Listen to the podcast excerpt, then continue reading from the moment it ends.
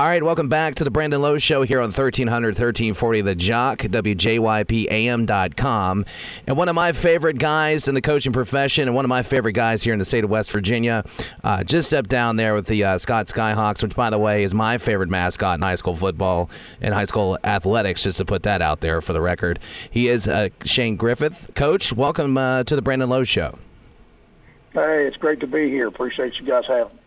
So, um, you know, I uh, I got the news like everybody else on Facebook. It, it, spread like wildfire. Of course, the other media outlets picked it up. You uh, you shocked the high school football world um, just because you know the things that you've done. Uh, you know, being the the most wins in program history in Boone County schools with 101. Uh, you've coached for over 18 seasons. Uh, you've taken uh, nine trips to the playoffs, and you also reached the semis in 2007.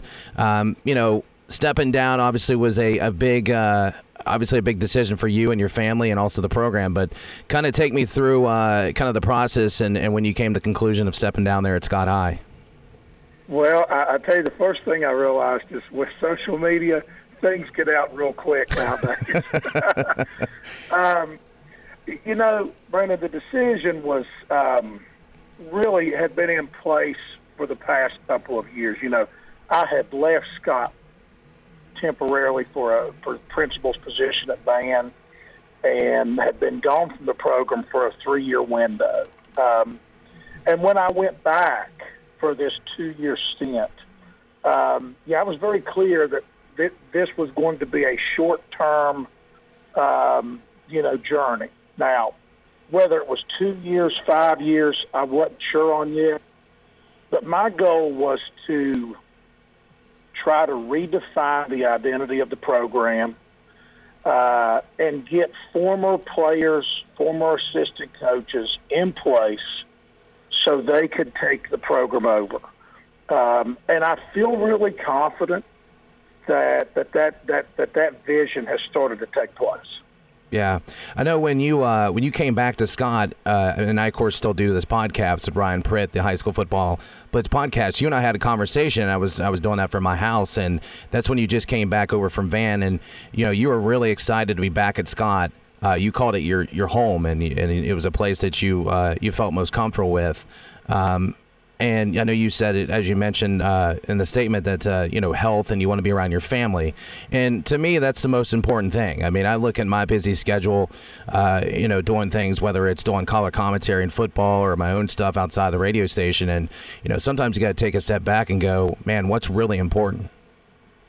It is, and you know, with with with, with what I was, one of the things I, I I hope takes place and what I'm excited about with former players and coaches stepping into those lead roles and, and, and probably possibly stepping into a head coach role, it's like I told the remainder of the state, you know, I, I'm, I might be dealing with some health issues. I've been a juvenile diabetic for most of my life.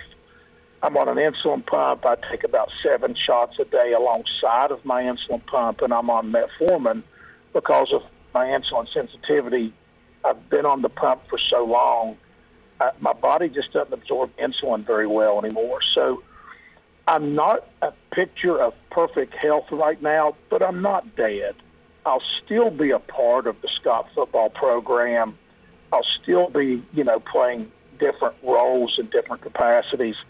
So it'll always be home, and I'm looking forward to seeing one of my former guys, you know, that coaching tree, so to speak, start to be developed and, and see where that goes obviously a tough situation to be put in. Um, you know, obviously the administration knew that, but the players um, kind of take me through their emotions and their reactions to your announcement. Well, um, you, you, know, I, I, think there was, um, you know, obviously a lot of raw emotions there immediately because th- this was something that, that I had not let out. This was something over the last couple of months I had been speaking privately with different individuals um, in regards to what their role would become and and and where the program might be going in the future. Um, so it, it, was shock to some of the players uh, or, or, to all of them. Um, but I felt like there's such a nucleus of staff remaining. Uh, the same vision still remains. And, and, you know, kids are uh, kids are resilient, and high school athletes are resilient. That and that's a good thing. And um, I, I think they're going to be, you know, just fine moving forward. Certainly. So, looking at uh, your coaching staff now, you had two other coaches resign along with you. Um, is there anybody, or is, has there been any conversation about who would take over in your place at Scott? You know, uh, it's it's it's early on right now. You're, you, I've heard a few names. Um, one of the guys that I feel like is just a real strong candidate for it is Ryan Price. Um, Ryan played on four playoff teams for me back in uh, 2005, 6, 7, and 8. Uh, went to West Virginia State College and played there. Um, he came back onto the coaching staff. He's been with me for a while. Um, he, he's got a lot of youthful energy, which I feel like they need right now. He's a product of the program that was there and, and showed success and accomplished great things.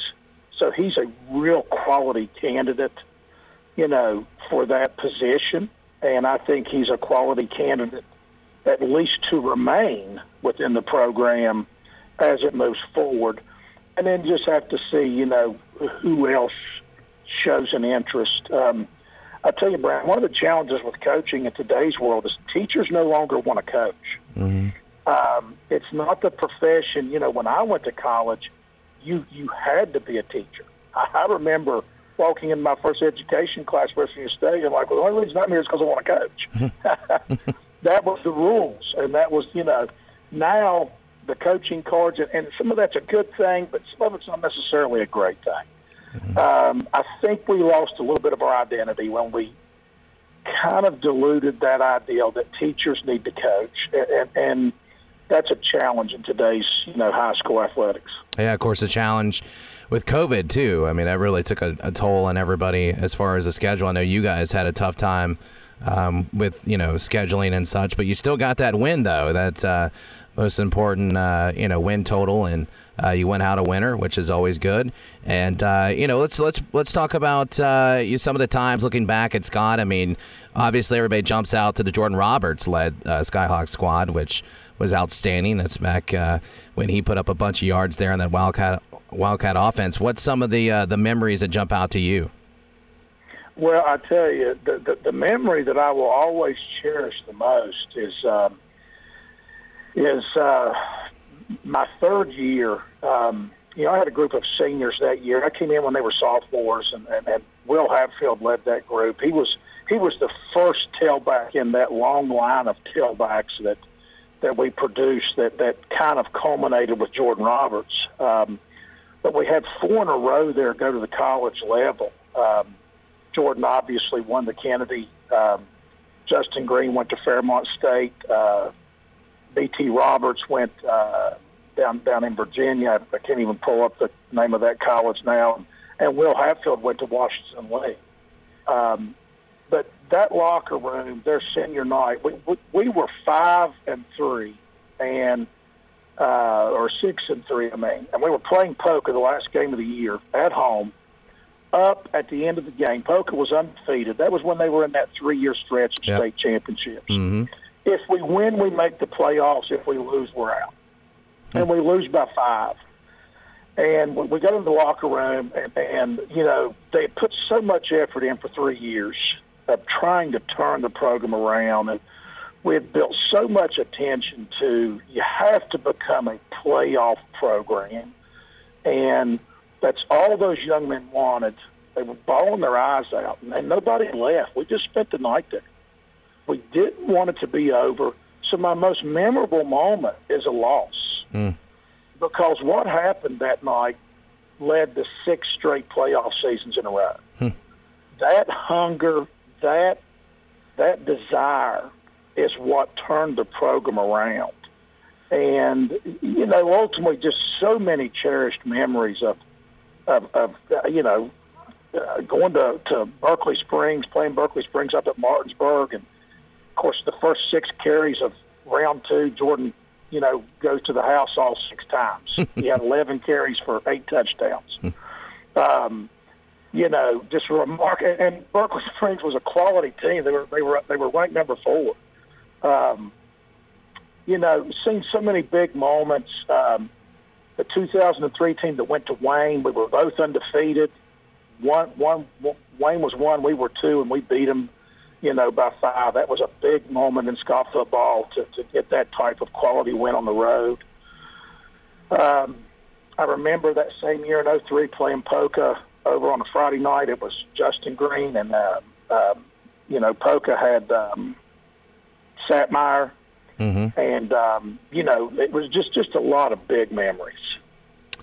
It's awesome, man. I, I love the uh, I love the loss being memorable for you because um, you know a lot of coaches or a lot of players would take you know, hey, we won this and we won that, but that's a great point. You know, sometimes you need those big losses to point yourself in the right direction. You just need guys to care, and it sounded like you had a lot of players that cared about what they were uh, what they were about, and that says a lot about you as a coach and and as a human being there and as a as a teacher. So um, those are just all great memories. I appreciate you sharing those. Before I get you off the air here, though, um, what's what's next for you? Going to spend some time with family? Going to do a little bit of fishing? What's what's next for old coach? well, you know, unfortunately, Brandon, I don't have any hobbies.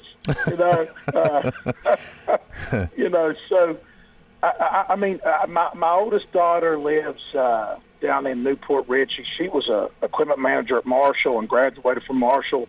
Moved to Florida. She's married now. Uh, her and her husband live uh, about 20 minutes south of Tampa, and um, yeah, this is going to give me a little bit more time to go down and, and, and be a part of of her young married life and, and how she's you know uh, you know starting to live. And, and my youngest daughter is a senior Fairmont.